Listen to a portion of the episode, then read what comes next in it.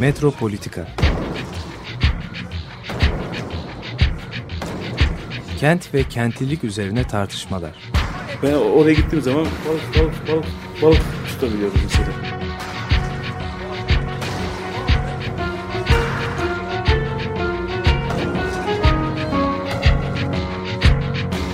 Hazırlayıp sunanlar Aysin Türkmen, Korhan Gümüş ve Murat Güvenç.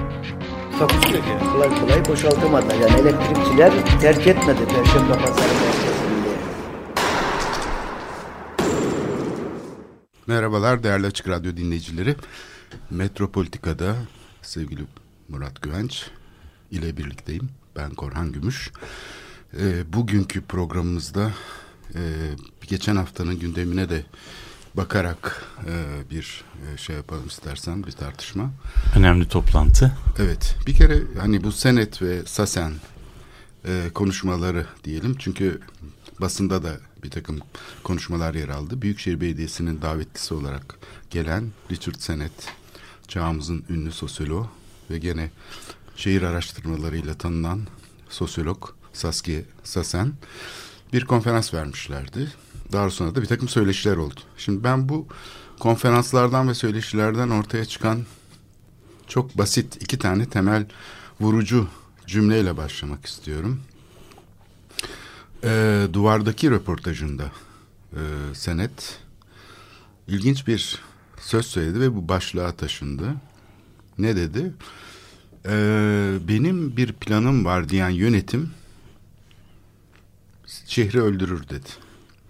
Evet. Bu enteresan. Hafif Victor Hugo'nun kağıtla taş arasında yaptığı şey gibi. Bu bunu öldürecek lafı gibi. Burada da hani benim bir planım var. Hani sizin haberiniz yok. Ben size bir sürpriz yapıyorum. Bir plan hazırlıyorum. Benim bir planım var.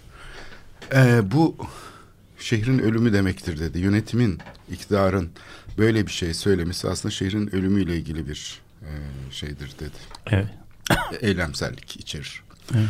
Şimdi bir bu bana ilginç geldi. Yani bu söz çünkü bildiğimiz planlama şeyinin e, metotlarının Türkiye'deki tamamen ters yüz edilmesi demek. Evet. Dünyada zaten böyle bir şey yaşanıyor, yaşandı.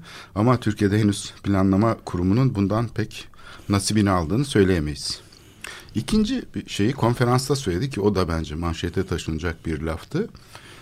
E, kapalı uçlu bilgi ikinci sınıf bilgidir dedi. Bilgi açık uçlu olduğu zaman deneysellik kazanır, yaratıcılık e, mümkün olur. İşte şey bildiğimiz e, şey söyledi. Yani burada da aslında benzer bir tını var. Yani buradaki temsilin e, kapalı uçlu olması, bürokratik bir şey içinde tanımlanması işte gene planlarda koruma fikirlerinde vesaire değil, açık uçlu olması deneyselliği getirir dedi.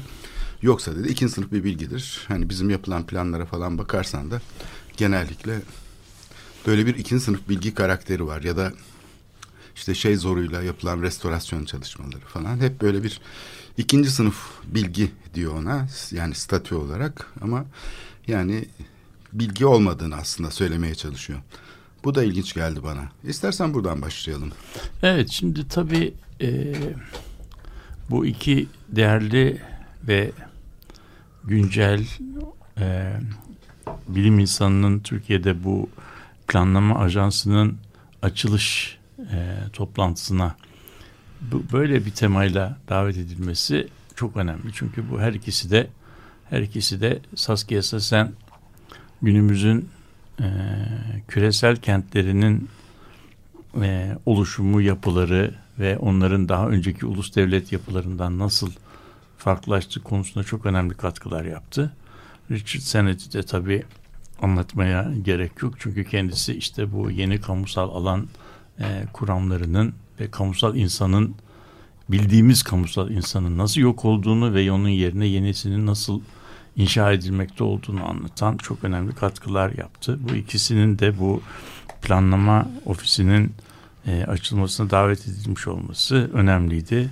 Bilmiyorum neden e, ona değinmedin ama İlhan Bey'in, e, İlhan Tekeli'nin konuşmanın moderatörlüğünü üstlenmesi ve yaptığı konuşmayı da ben doğrusu çok önemli. buldum. Aslında onu unuttum söylemeyi. Çok O haklısın. Çok, çok da önemli bir Zaten konu. girişi o yaptı. Yani Evet. o hazırladı bu çerçeveyi. Evet. Yani bu sunumun yani onların konuşmasıyla ilgili çerçeveyi aslında E, e, o, tanımlamış oldu. evet. Yani o, o şeyde de o, o konuşmada da bence e, her ikisinin de e, belki daha önce söylendiği için üzerinde yeterince durmadıkları kü- küresel durum içinde bulunduğumuz küresel durum hakkında önemli bir şey vardı. Çünkü İlhan Bey konuşmasında belki oradan başlamak yararlı olabilir.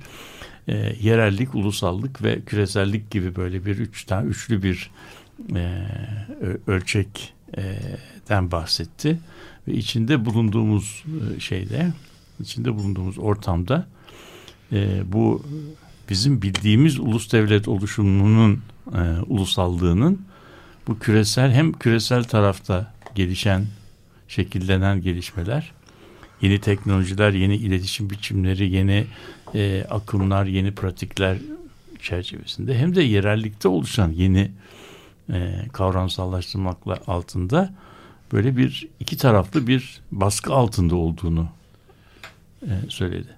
Ama buna karşılık da vurguladığı şeyde dünyanın yani küresel yönetimi idare eden kurumlar mesela Birleşmiş Milletler, UNESCO falan gibi kurumların aslında büyük ölçüde ulus devletlerin şeyi altında olduğu, e, kontrolü altında olduğu ve ulus devletlerin bu sürecin er veya geç kendi e, otorite alanlarına e, bir tehdit oluşturacağı şeyi de gerekçesiyle de bu ne küresel ne de yerel hareketlere çok fazla e, nasıl diyelim manevra alanı bırakmadıklarını ve dünyayı kendi aralarında e, bir biçimde e, paylaştıklarını anlattı. Bu tabi e, ilk bakışta küresel jeopolitikle ilgili bir e, değerlendirme gibi gözükse de küresel olanın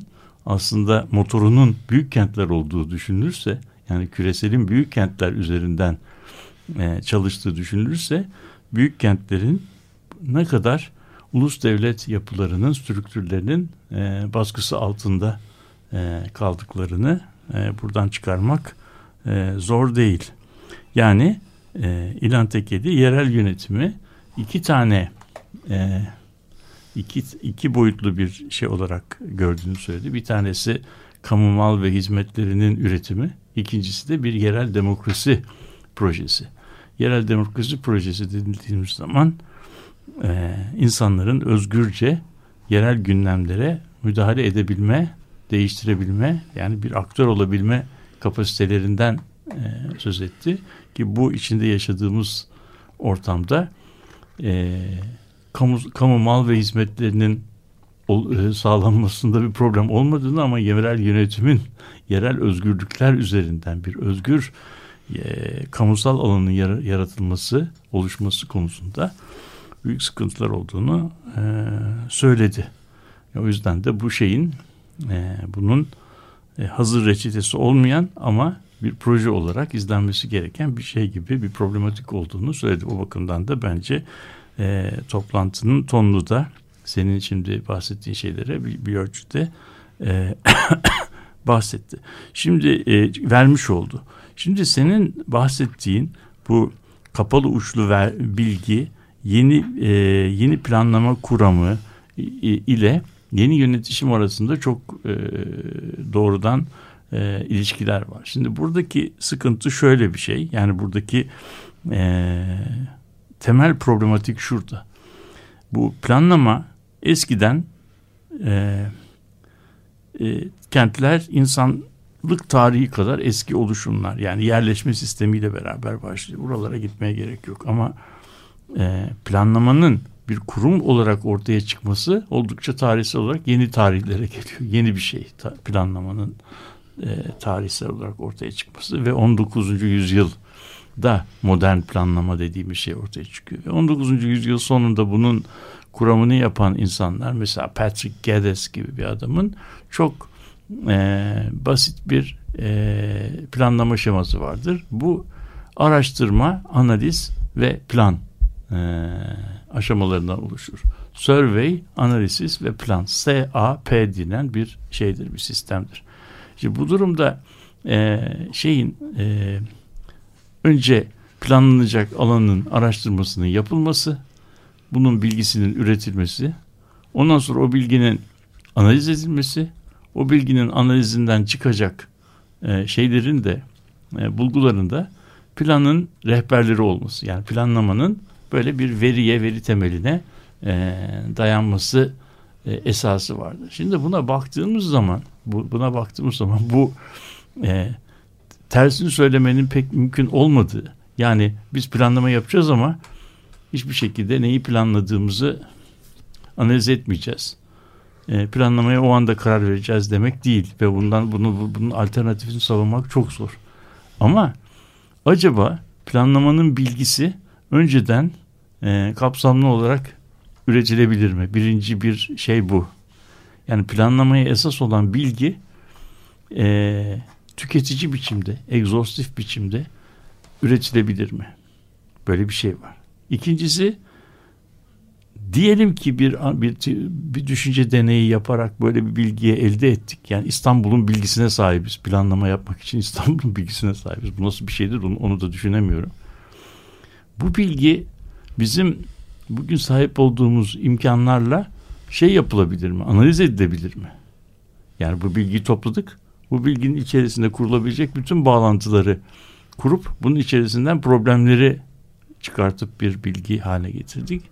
Üçüncüsü de bu analizin sonundan bütün toplumu kapsayacak değerlendirmeler yapılabilir mi? Yani bizim yaptığımız değerlendirmeler ve toplum sonuçlar toplumda herkesin e, uzlaş üzerinde uzlaştığı sonuçlara götürebilir mi? Buralarda büyük problemler olduğu görüldü. Bir tanesi şudur. Bu bu proje e, bilim felsefesinde yani önce bütün bilgileri toplayalım ve oradan sonra sonuçlara gidelim e, projesi bir verifikasyonist proje deniyordu buna. Yani bütün bilgiyi toplayıp sonuçları ondan sonra e, çıkarma e, şeyi o, böyle şehir ölçeğinde o kadar uzun o kadar üstesinden gelinmez bir pro- problem haline geliyor ki sonunda veri toplama sürecinin içerisinde toplanan verinin niyet niteliği değişiyor. Teknoloji değişiyor. O toplanan veri artık konu kullanıma başlamadan eskimiş hale geliyor. Ya burada bilgiyi dönüştüren bir süreç aslında bu e, tabii, toplama teknoloji biçimi. Tabii. Nedir bu? Nesneleştirici bir tabii, şey. Ama tabii yani evet. bir de bütün bütün bilgiyi toplama amacı o kadar uzun sürüyor. O kadar kapsamlı bir şey oluyor ki toplum e, e, yani toplum almıyor. toplum evet. senin bilgi toplamanı beklemediği için değişiyor. Değiştiği zaman yeni teknolojiler, yeni pratikler ortaya çıkıyor. Evet. Ve sen bu bilgiyi değerlendirirken eskiye oranlı eskiye referanslı böyle bir takım trendler, projeksiyonlar yapıyorsun. O projeksiyonlar da yaşamın hayatiyetini içermiyor. Çünkü yaşamın hayati içerisi içerisinde e, o orada evet. e, buluşlar oluyor, inovasyonlar oluyor. Onları e, modelin içine katmak mümkün değil. Çünkü eğer ben inovasyonu modelin içine katıp katabilirsem o zaman zaten inovasyonun anlamı kalmıyor. İnovasyon hakkında konuşulabilir bir şey oluyor. İnovasyon dediğimiz şey bilinmeyen, bir, bilinmeyen bir şey. Evet. Şimdi o zaman e, o zaman buna karşı olarak buna karşı olarak geliştirilen tez ki bunun e, bu tezin mimarı düşünce mimarı şeydir Popper'dir. Bunu bu bütüncül planlamaya karşı parçacı planlamayı savunmuştur. Parçacı planlamada şudur. Arkadaş uzun vadeli planlama yapmak imkanı yoktur. Yani bu teorik olarak imkansızdır. Onun için biz önümüzde çözülecek problemleri e, ve yapabileceklerimizi koyalım. Ve bu yapabileceklerimizin üzerinden de e, bütçenin e, bilimsel kapasit kapasitemizin e, bize imkan verdikleri işleri yapalım. Böyle büyük büyük işler yapmaya kalkıp hiçbir şey yapamamak ve bugünkü insanların hayatını zindana çevirmektense o zaman bugünkü insanların hayatını iyileştirmeye çalışalım. Gelecek gecede gelecekteki kuşaklarda kendi başlarının çaresine bassın. Buna da inkrementalizm diyorlar. Şimdi bir tanesi e, ulvi hedefler e, güdüp iş yapamıyor. Öbürü de bizim projecilik de diyebileceğimiz bir çıkmaza götürüyor. Parçacıl. Parçacı. işte projeler yapıyorsun oradan sonra da ama bunlar miyopik projeler. Bu projeler yan yana geldiği zaman nasıl bir bütün oluşuyor? Neyin parçası, neye hizmet ediyor? Bunun imkanı yok. Şimdi bunları bir bir araya getiren yapısal planlama gibi alternatifler var. Yani çok genel objektiflerimiz olsun. Bütün yumurtalarımızı oraya bir şey koymayalım ama e, elimizdeki imkanlarla da bir şeyler yapalım. Buna da yapısal planlamalar diyoruz. Bu gelişmeleri de periyodik olarak izleyelim. 6 ayda bir, 8 ayda bir, 10, 10 ayda bir. Gerekirse genel objektiflerimizi revize edelim. E, gerekmiyorsa onu e, bu projeyi sürdürelim. Yani bu ilişkisel bir planlama metodu. Gibi bir daha, şey daha biraz esnekliğe hem hem içeriyor ama, ama bir etkileşimli. hem de gündelik evet. hayata müdahale. Fakat burada çıkan şeylerden bir tanesi toplanan bilginin niteliği. Şimdi şehir hakkındaki bilginin şehir hakkındaki bilginin e, ormanlar hakkındaki bilgiden bir e, toplanacak bir farkı var ki orman hakkındaki bilgi veya jeolojik bilgi diyebileceğimiz yıllar boyu yıllar boyu bir kere establish kurulduktan sonra ana hatlarıyla aşağı yukarı e, sabit kalıyor. Halbuki şehirler o kadar dinamik yapılar, o kadar hızlı değişebiliyorlar ki yani bir dönemin yaklaşım biçimleriyle üretilmiş bilgi kendinden sonraki e, şeylerde dönemlerde aşılmış ve de aslında çözdüğünden daha fazla problem e, yaratan hayatın şeyini e, nasıl diyelim hayatiyetini gündelik yaşamın hayatiyetini dinamizmini yansıtmayan bilgiler haline geliyor. Bu bu 1990'lı yıllardan sonra temsili olmayan kuram non-representational theory denen yeni bir bilgi toplama e, metodolojisine e, yol açtı. Yani senin işte e, programda sık sık söylediğin zaman amacı temsil olan kuramların e, nasıl yaşamı e, öldürdükleri e, şeyinden noktasından hareket eden temsilin bir imkansızlığından hareket evet, eden evet. temsili olmayan fakat e, temsilin temsilin imkansızlığından bahsedildiği zaman buradan buradan çıkarılacak sonuç keyfilik değil. Değil. Değil. Teması kaybetmek değil. değil. Çünkü teması Tabii. kaybettiğin zaman tamamen evet. hayali bir şeye evet, kayıyorsun. Yani veya işte evet. kim karar verecek, kime göre Şimdi karar verecek. temsil denen şey bir yarı ha. kaçıyor. Şimdi o ama bu mı? yarı yok saymak değil. Evet. Ama bu yarı üstüne farkında geçmek, varmak. Üstüne çıkmak. Evet. Şimdi bu bir başka yazarlarda e, temsili olmayan kuram e, e, tanımının aslında yetersiz olduğunu temsilin ötesine geçme e, iddiasında olan kuramlar. Yani temsil etme de yetinmeyen onun ötesine geçmekte. Şimdi bugünkü e, teknolojilerimiz e, şehir hakkındaki bilgiyi önce toplayıp sonra analiz edip sonra hakkında karar verme e, proseslerinin ötesine geçen yeni yeni bilgi yani bilgiyle yeni ilişki kurma e, potansiyelleri yaratıyor.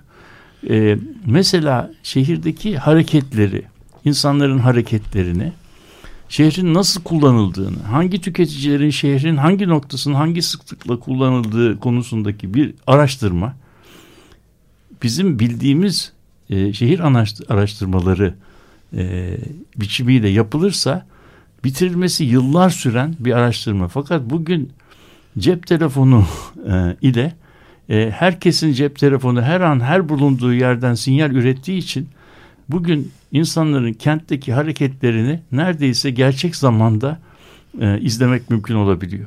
İnsanların mahremiyetini e, şey yapmak, e, saklamak koşuluyla. Yani bugün e, kenti e, yöneten insanlar öyle bir teknolojiye sahipler ki e, şeyin e, kentin her an neresinde ne olduğunun nasıl diyelim e, şeyine sahipler, e, bilgisine sahipler. Bilginin bu bilgi böyle toplanması yıllar alan bir e, bilgi değil. Anlık olarak elde edilen bir bilgi. Anlık olarak elde edilen bir bilgi bunun e, bilginin elde edildiği anda toplumsal olarak değerlendirilmesini ve o toplumsal değerlendirmeye göre de toplumsal anlık stratejiler anlık müdahale biçimlerinin şekillenmesini gerektiriyor. Bu inan kapalı uçlu e, bilgiyi yerine e, şeyden hakkında bilgi bilgi toplanandan bilgi alan onunla etkileşen bir planlama anlayışının şekillenmesine şey yapıyor. Yani bilgi toplan bilgiyi üretenle bilgiyi değerlendiren arasında eskiden hiç var olmayan bir diyalog, bir komünikasyon kanallarını bugün oluşturmak mümkün olabiliyor. Şimdi bunun bunun içinde Batı'da Urban Data Dashboard dedikleri bilgisayar ortamından kentin her noktasının tıpkı şeyde hani bir e, hastanelerdeki şeylere e, ne bileyim o e, ne deniyordu onlara e, acil e, serviste hastanın yatağının üzerinde hani her şeyi gösteren göstergeler var ya ona benzer senin istediğin türde bilgi üreten e, kanallar şeyler kurmak mümkün olabiliyor. Şimdi bu bu tabi bu teknoloji bu yaklaşım kendi başına e, bilginin toplandığı anda değerlendirilebilmesini ve o değerlendirmenin aynı anda da kamusallaştırmasını e, mümkün kılıyor. Biz geniş bir kamu alanı kurabilirsek bu bilgi üzerinden toplumla eskiden hiç var olmayan şey kanalları nasıl diyelim iletişim e, ve etkileşim kanalları e, kurabiliriz. Bu tabi bunun nasıl olacağı, bu planlamanın nasıl e, olacağı, bunun eski planlama olmayacağı belli. Ve bunun temsil kaygısının üzerinde kaygılar taşıyan bir planlama e, olacağı ve geleceği açık tutacağı. Çünkü bunun içerisinde sürecin nereye evrileceği etkileşim içerisinde belli olacak. Önceden belirli bir şemanın e, müteahhitler aracılığıyla kentin bir yerinde uygulanmasının çok ötesinde bir şeyden bahsediyorum. Yani kentin her noktasıyla etkileşim içerisinde e, şey, şey var. Şimdi e, bu etkileşim meselesinde mesela dün katıldığım bir planlama toplantısı oldu Büyükşehir'in. E, şöyle e, bir e, öneri getirdiler. E, işte biz düzenli toplantılar yapacağız. Yani plan hazırlanır. Plan genellikle iki tane toplantı yapılır ya. Belki bunların sayısını arttıracağız dediler. Ancak yani buradaki temsil meselesi Şimdi buradaki şey yani sonuçta bir plan hazırlanıyor. Adalar için hazırlanacak bir planlama toplantısıydı bu. Buradaki temsil biçimi gene tek merkezli. Yani şimdi planlama farklı iddialar içerebilir. Tabii farklı öncelikler içerebilir. Tabii temsil bunu, bunu da yani o, o kadar karmaşıktır ki yani bir temsil meselesi böyle tek merkezde toplanacak bir şey değil. O kadar farklı önceliklere göre hiç bilinmeyen e, yeni şeylere göre kamusal alanlara ve temsil şeylerine göre e, hiç bilmediğimiz mesela gençlerin hiç e, haberimiz olmadığı bir takım şeyleri hakkında vesaire pratikleri, pratikleri hakkında. hakkında öyle şeyler ortaya çıkabilir ki dolayısıyla bir kere tek merkezli bir planlama anlayışı ne kadar katılımcı olursa olsun yani Hı-hı. kendisini merkeze alan siz bana getirin hani sizin görüşlerinizi alacağız. Toplantı yapacağız. Görüşlerinizi alacağız. Mesela İstanbul yönetim planı hazırlanırken, alan yönetim planı hazırlanırken de aynı yöntemi uyguladılar. İşte büyük toplantılar yapıyorlar. 200 kişilik. Sıra bile gelmiyor zaten konuşmaya. Sonra masalara dağılıyor falan. Şimdi çalıştay tipi e, toplantılar. Şimdi böyle bir temsilin aslında bir şeyin yani bir katılım imkanı sağlamaktan çok aslında bir ilişki sağladığını söyleyebiliriz. Yani planlamanın aktörleri yeni bir eşeğe taşımasını sağlayacak bir metotla yapılmasını değil, sadece hani itirazları, işte sorunlar neymiş, ihtiyaçlar neymiş bunların bir bölümünü en azından orada bulunabilen aktörlerden yani sesi çıkabilen, gücü olan aktörler geliyor. Yani bu tip katılım ortamlarına kimler katılıyor? İş takip eden profesyoneller katılıyor genellikle. Benim gördüğüm. İkincisi de gene belediyede, belediyenin kurumlarında çalışanlar. Yani oraya maaşlı olarak gelenler. Dolayısıyla hani onun dışındaki aktörlerin, piyasa aktörlerinin ve resmi aktörlerin dışında o temsil sahnesinde yer almaları imkansız. Tabii ama bak burada senin söylediğin temsil boyutunun sadece halkın ve mesleklerin temsil boyutunu evet, e, şey içeriyor. Onu işte anladım, evet. Ama bunun dışında başka temsil Hı. biçimleri de var. Kesinlikle. Şehrin Hı. şehrin hakkındaki e, bilginin nasıl temsil edileceği. Yani şehrin nasıl işte kavram kavramsal entelektüel e, şey, şeyinin e, işte bu eğer biz bunu Bilgi. biz bunu sabit tutarsak yani biz bunu ya bu böyle yapılıyor. Bunun şeyi budur e, diyerek bunu sabit tutarsak ve de bunun sadece demo, e, kitlenin veya insanların katılımıyla e, çözülecek bir temsil problemine indirirsek yani eskiden sesi çıkmayanların sesinin çıktığı, görüşlerin alındığı bir şey haline getirirsek bunun bugün günümüz şehirlerinin temsil problemini çözeceği kanısında değilim. Günümüz şehirlerinin temsil problemi bugünkü oluşumun daha önce yapılmamış buluşçu tekniklerle izlenmesini gerektiren Evet. Burada ben şunu ee, eklemek bir, bir şey bir, Evet. bir- ve burada bunu yaptığımız zaman bizim ezberlerimizin bozulma e, İhtimali. ihtimali çok yüksek. Bilmediklerimizi öğrenme ihtimalimiz çok yüksek ve de insanların bu yeni süreçler hakkında yepyeni e, tutumlar e, benimsemeleri ihtimali çok yüksek. Yani bizim eskiden var olan blokların tıpkı yeniden karılan iskambil kağıtları gibi yeni yeni pozisyonlar alarak yepyeni şeylere geçme imkanları var.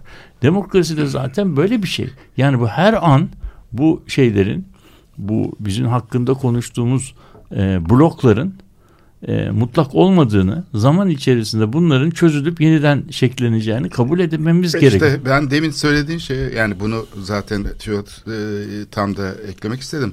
Çünkü arşivlemek hani travmatik bir şey. Arşiv her zaman e, canlı bir şeyi Öyle, öyle, bir şey haline getiriyor.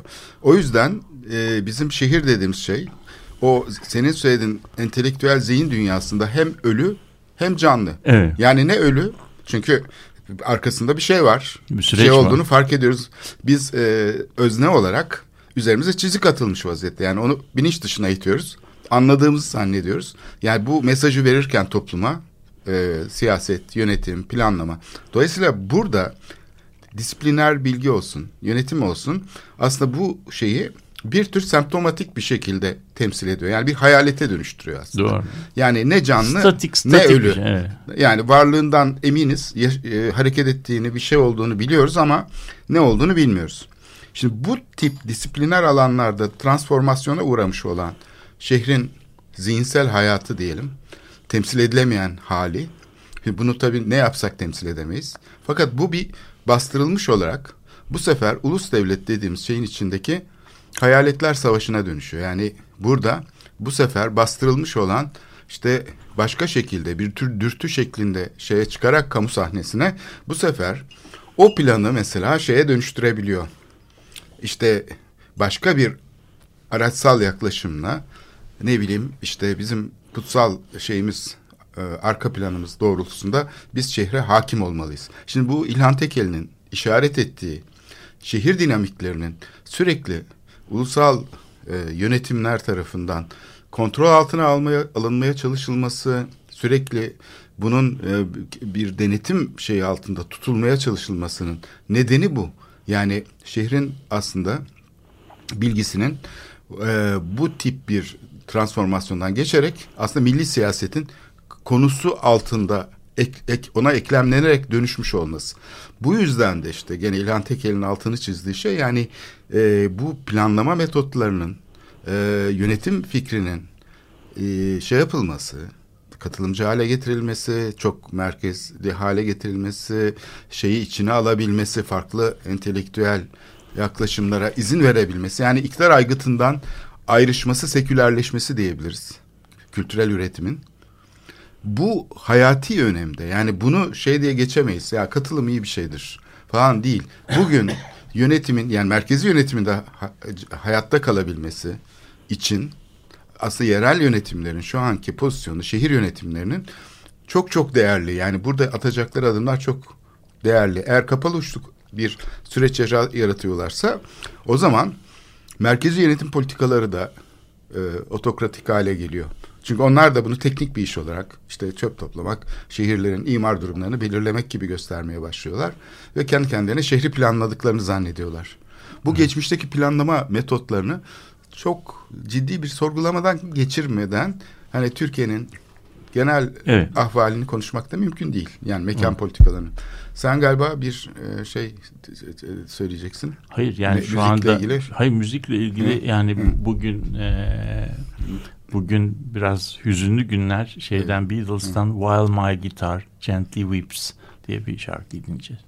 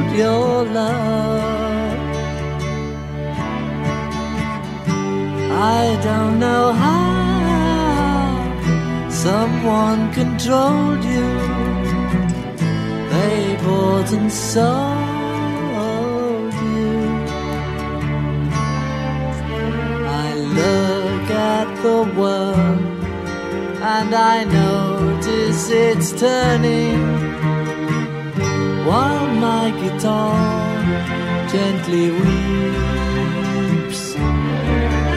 With every mistake, we must surely be learning. Still, my guitar gently weeps. I don't know how were diverted, you were perverted too. I don't know how you were inverted. No one alerted you. I look from the the play you are staging while my guitar gently weeps as I'm sitting here doing nothing but aging. Still, my guitar gently weeps.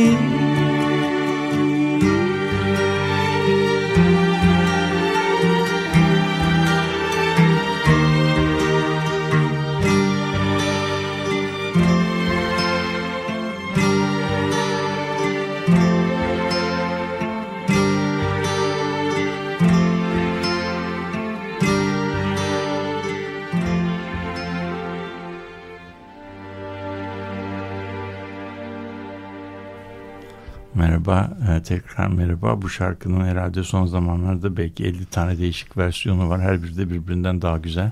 Onu dinledik. E, George Harrison'ın sesinden de While My Guitar Gently Weeps. E, şimdi e, tekrar konumuza geri dönersek bu e, temsil, temsil, e, gösterge, gösterilen bu süreçler arasındaki ilişkiyi konuşuyorduk ve bunun planlamayla bağlantılarını konuşuyorduk. İşte e, şeyin e, Korhan'ın e, soyut ama kapsamlı bir e, girişi oldu bu konuda. E, ben de bunu bir küçük bir örnekle e, göstermek isterdim. Burada da yani bizim mesela harita olarak kullandığımız e, teknolojilerin aslında e, değişmez, statik olanı e, resmettiği değişime konu olan e, şeyleri göstermenin, temsil etmenin imkansız olduğu bir e, varsayımından hareket eder. Onun için mesela biz baktığımız zaman e, Pervit için mesela 1930'lu 40'lı yıllardaki Eminönü balık pazarı haritalarına baktığımız zaman orada balık pazarının önünde e, her sokağın uzantısı halinde inşa edilmiş olan İskeleler. iskeleler gözükmez. Çünkü o iskeleler ne kadar zaman orada kalır, kalacak mıdır? Yoksa E, o iskeleler bazen yazın kullanılır, Sökülür, kışın takılır. sökülür. Evet. Böyle şeyler. Yani onu göremeyiz. Onu görmediğimiz için oraya bağlanan kayıkları da göremeyiz. O mavnaları da göremeyiz. Onu göremediğimiz zaman oradaki sokakların isimlerinin neden öyle olduğunu anlayamayız. Çünkü sokakların isimleri hasır iskelesi, limon iskelesi, tütün iskelesi, yemiş iskelesi gibi sokaklar. O zaman sokaklar sokak değil. Aslında sokaklar denizle e, kara arasında kullanılan bir interface. Biz bunun e, teknelerini göstermezsek, iskeleleri göstermezsek, sadece sokakları gösterirsek o alanın aslında dünya ile kurduğu gerçek ilişki biçimini ancak nasıl diyelim hadım ederek göstermiş oluyoruz. Yani onun hayatiyetini e, hayatiyetini ortadan kaldırarak sadece sürekliliği olan veçelerine ışık tutuyoruz ve değişime konu olan veçelerini resmetmiyoruz. Şimdi bu işte 1930'ların 40'ların kalıcılığı öne çıkaran statik e, yaklaşımı öne çıkaran ve şehir yapılarının işte bir çeşit donmuş mimari müzik. Yani bir, bir ahengi var ama bu ahengin şeyi yok, dinamizmi yok. Tıpkı bir müziğin belli bir andaki yapısının donması gibi. Yani bir pattern var ama onun bir hayatiyeti, hayatiyeti yok.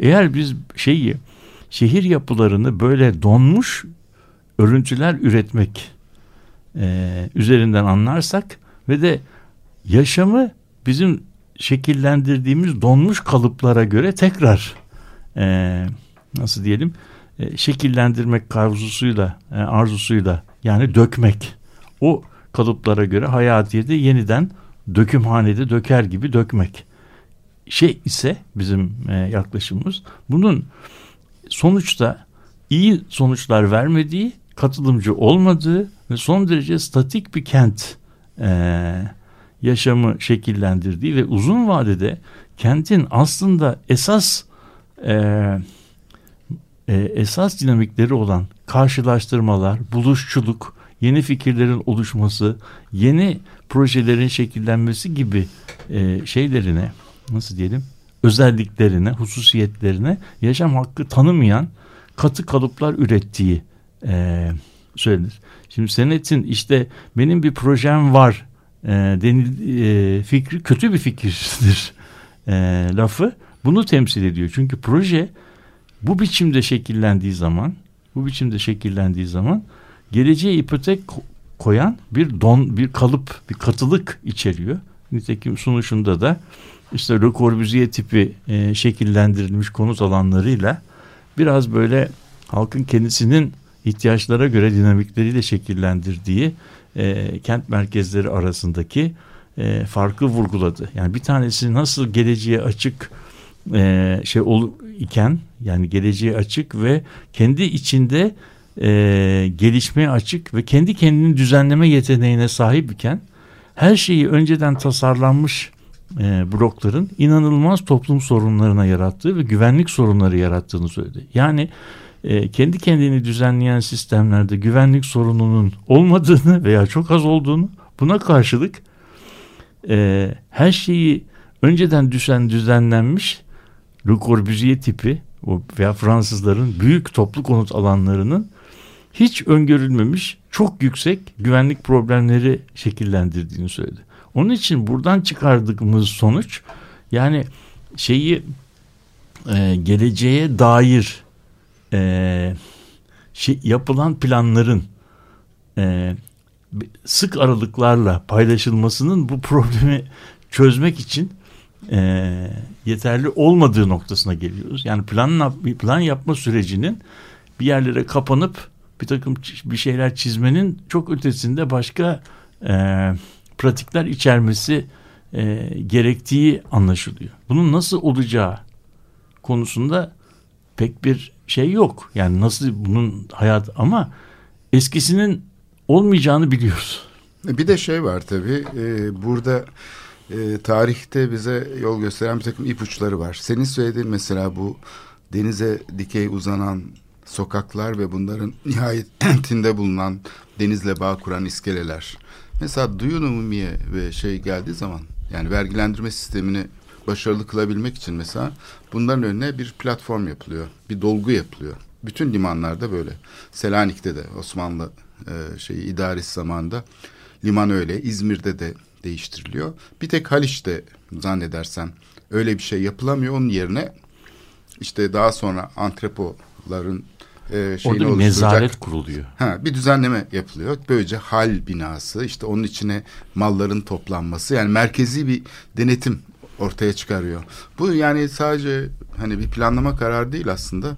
Aynı zamanda da yani bir merkezi yönetimin şehir ekonomisini denetlemek için kullandığı bir şey gümrüklendirme, vergilendirme sistemi.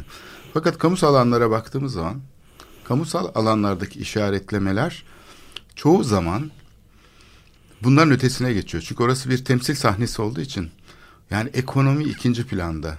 Orada artık bir şey simgeler önem taşıyor. Yani mesela sahilde yapılan e, devlet aksı üzerinde yapılan saraylara bakarsak bu Pera bölgesinin yani modernleşen şehrin kıyı bölgesinin e, bir devlet aksı olarak şekillendiğini ve meydanın içinde bir de caminin olduğunu görüyoruz. Yani bir saat kulesi bir de cami. Şimdi Dolmabahçe diyelim. Şimdi burada bir kopuş var. Yani Cumhuriyet kendi e, şeyini e, kamusal müdahaleyi yaparken bundan herhalde yani bu müdahalelerden 50 sene sonra meydanı şeye taşıyarak e, yukarı taşıyarak Taksim'e taşıyarak ilk önce 20 1929'da anıt yapılıyor. O anıt gene hani küçük ölçekli bir şey. Tramvayın rotondo kavşağı içine yerleştirilmiş oluyor. Fakat kışlanın yıkılması, ahırların yıkılmasıyla Prost'un yani 1940'taki şekillenen tören alanı ise bayağı bir kopuş yani bir kırılma yaratıyor bu Osmanlı şeyiyle. Şimdi buradaki müdahalelerin e, kamusal alana yapılan şeylerin sadece ve sadece ulaşım kararlarıyla bir transfer merkezi gibi tasarlanması mümkün değil. Yani böyle bir işlevsel yapı yani bizim hep e, sekülerleşme modeli Türkiye'nin kamusal alanı böyle renksiz kokusuz bir şey gibi göstermeye dayanıyor. Bütün kamu işlevlerinde sadece şeyde değil kültürde de öyle. Yani mekanda değil. Dolayısıyla bunun alternatifi de şey olarak hafıza çünkü öyle durduğu gibi durmuyor. İşte bir şey olarak cami yapma fikri Taksim'e işte şey yapma böyle gündeme geliyor. Şimdi bu açıdan kamusal alana müdahalede bir ilginç deney yaşadık geçen hafta. e, Büyükşehir Belediyesi meydana bir tane geçici sergileme platformu yerleştirdi. Daha yapılırken de koruma kurulu hemen ayın 7'sinde 7 Şubat'ta daha montajı başladığı anda kaldırma kararı almış. 15'inde mi işte yeni tebliğ edildi ve yeni fark edildi. Yani böyle bir karar aldı. Şimdi burada ilk önce şuradan e, belki başlayabiliriz. Birincisi hani bugüne kadar açılan orada bir dolu ticari şey oldu. Çarşı, pazar, işte geleneksel sanatlar yok. Yerel Tatlar Festivali falan. İşte Ramazan çadırları oldu. Şimdi orada Cumhurbaşkanlığı İletişim Başkanlığı'nın cibin kocaman yani devasa 10 misli daha büyük böyle üstü süslenmiş falan. Kenarına kum torbaları konmuş uçmasın diye falan büyük bir çadır var. Dev bir çadır. Üstelik de meydanı böyle enlemesine kesiyor. Yani otobüs duraklarıyla metro arasındaki bağlantıyı kesecek şekilde oraya yerleştirilmiş falan. Böyle neredeyse bırakılsa yıllarca duracak. Kimse bunlara karışmazken birdenbire Büyükşehir'in bu yerleştirmesi, geçici yerleştirmesi hemen daha yapılırken engellenmek istedi, istendi. Şimdi bunu e, bu müdahale biçimini de ben şey yapmak istiyorum. Çünkü aslında kamusal alanların kullanıma dair fikirlerin geliştirilmesi için geçici yerleştirmeler bu şey taktiklerinden biri yani anlamlı bir şey. Yani denemek, sınamak, öyle kalıcı bir şey iz bırakmadan e, müdahaleler yapmak. O simgesel şeyi tek boyutlu, tek merkezli olarak göstermemek. Çünkü demin söylediğim gibi hani Tophane'den ya da e, şeyden e, Dolmabahçe'den Taksim'e taşınırken zaten bir kopuş var. Yani bir kırılma. Demek ki hep her müdahale bir ötekini yok sayma, silme girişimi olarak gerçekleşti. Prost da düzenleme yaparken işte kışlayı koydu. E, tabii ki camiyi unuttu. Ayatreya'dan önü reklam panolarıyla kapandı. İşte bir de oraya anıt kon- kondu. Konmaya çalışıldı. Kaidesi kondu, kendisi konamadı. İnönü heykeli. Şimdi bu müdahalelerin her birinde belli bir şey var. Model var yani bir öncekini ya da bir şeyi bir, bir ötekileştirmek ve onu e, kamu sahasında izlerini silmek. Şimdi bu müdahale ise geçici müdahale ise böyle bir şey içermiyor. Yani o sadece bir tartışma şeyi. Fakat gene de daha yapılırken engellenmeye çalışılmasının bence bir iki nedeni olabilir diye düşünüyorum. Bunlardan bir tanesi tasarım hizmeti almış olması. Bütçesiyle ilgili yandaş basında gördüğüm kadarıyla büyük bir hata yapıldı. 625 bin lira bütçesi var. Gayet hani küçük bir bütçe aslında. Fakat gözleri alışamadığı için böyle bir şeye mimari çalışmaya biraz şaşkınlıktan biraları biraz da kafaları karıştığı için 625 milyon diye tanıttılar. Bu kadar para sarf edilir mi? Saçtılar parayı ortaya. Şimdi ya göz var, ölçek var yani şimdi öyle bir yapının 650 milyon liraya, 625 milyon liraya çıkmayacağı çok belli ama onu öyle bir şey olarak gördüler ki sanki bir mimari şey yaratıldı, kalıcı bir proje ve bu olsa olsa hani 625 bin lira olmaz. Milyon oldu. Milyondur. Kendi söyledikleri yalana kendileri de inandı. Ve bunu o şekilde tanıttılar. Böyle olunca kalıcı bir yapıymış gibi tanıtıldı. Ve bundan dolayı bence bir rahatsızlık buradan ortaya çıktı. Yani kendi yalanının tuzağına kendileri düştü. Böylece yani e, abartılı bir şey olduğunu e, göstermiş oldular ve ona göre hareket ettiler. Halbuki basit bir yerleştirme sökülüp sonra başka bir yere taşınacak. Yani bir şantiye binasından ya da bir tanıtım ofisinden hiçbir farkı yok. Üstelik de şeffaf bir şey yani. Fakat onun bu farklılığı yani bir mimar tarafından tasarlanmış olması bir kere zannedersen bir kafa karışıklığı yarattı. Ee, burada e, şeyin e, bu açıdan kalıcı bir yapıymış gibi değerlendirmesi nedeni bu. İkinci bir neden daha olabilir. O da benim yani genel ideoloji içinde küçük bir ideoloji ya da kurumların kendi mikro ideolojilerini nasıl ürettiğiyle ilgili. Galiba böyle deneysel işlerden bizim şeyler pek hoşlanmıyor. Koruma kurulları falan. Demirören binası için de aynı şey söz konusu olmuştu. Hani bina için böyle uzun uzun sergiler yapıldı. Mimari projesi şöyleydi işte böyleydi falan tartışıldı. Sonra birdenbire karşımıza basma kalıp bir şey çıktı.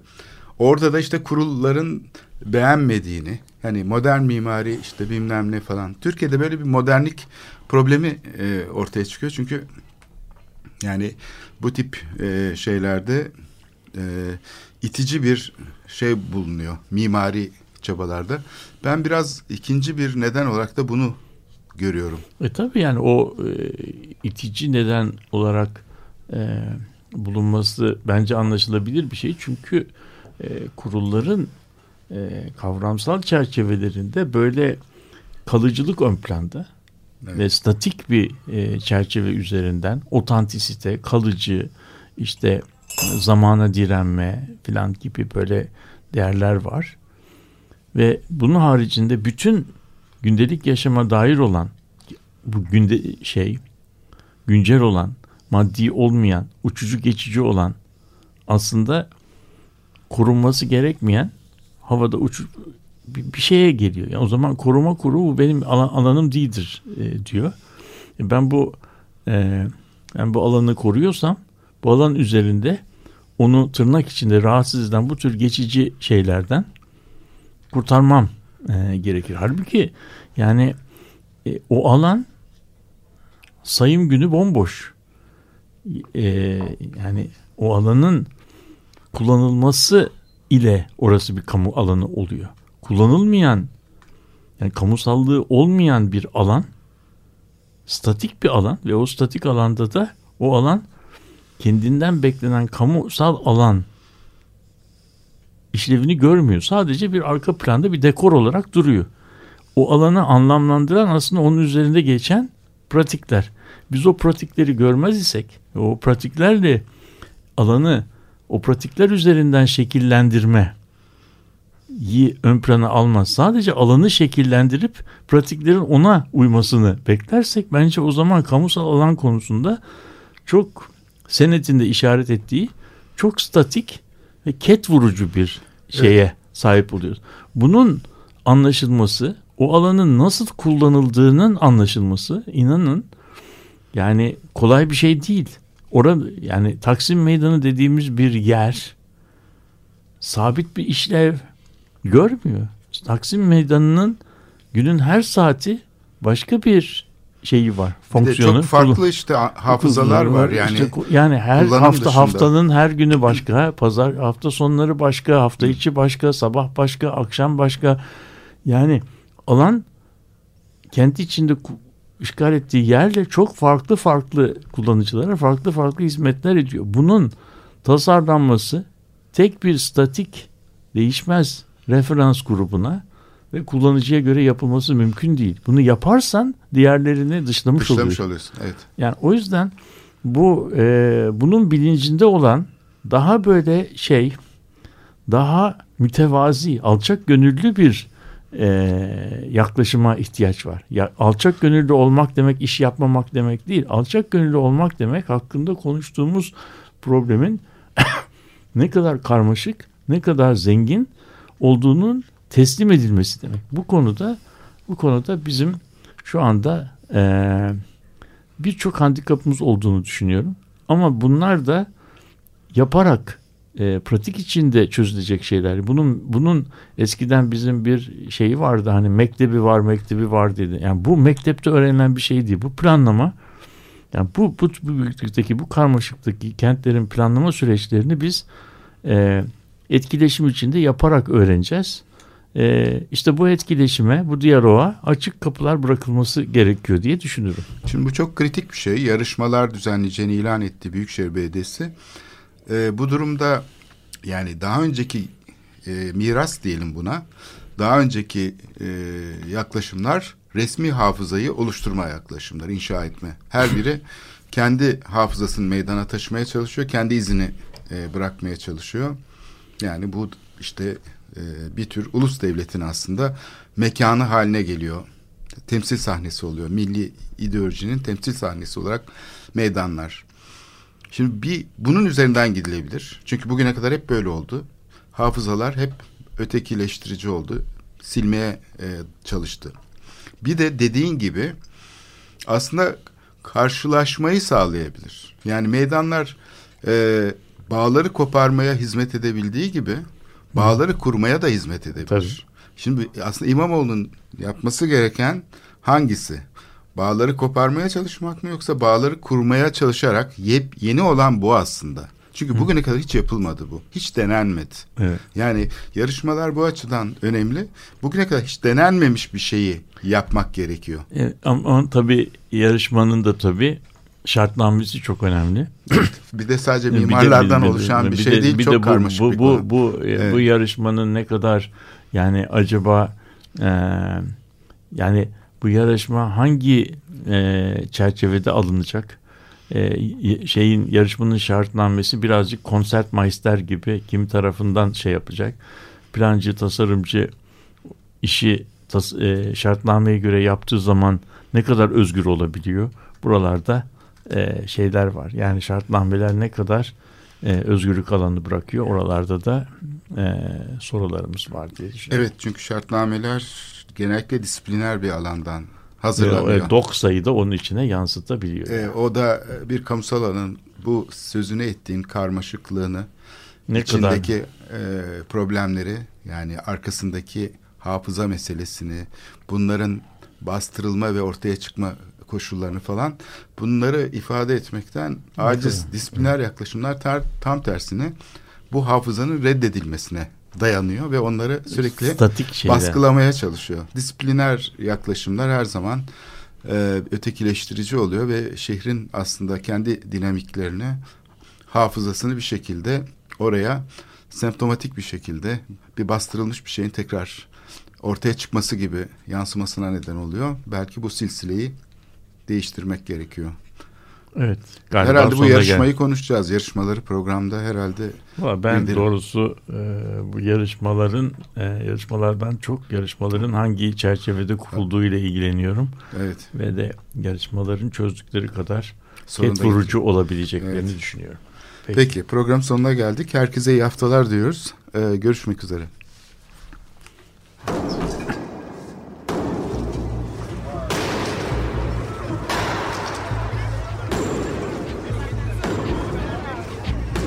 Metropolitika Kent ve kentlilik üzerine tartışmalar. Ben oraya gittiğim zaman balık balık balık balık tutabiliyorum mesela.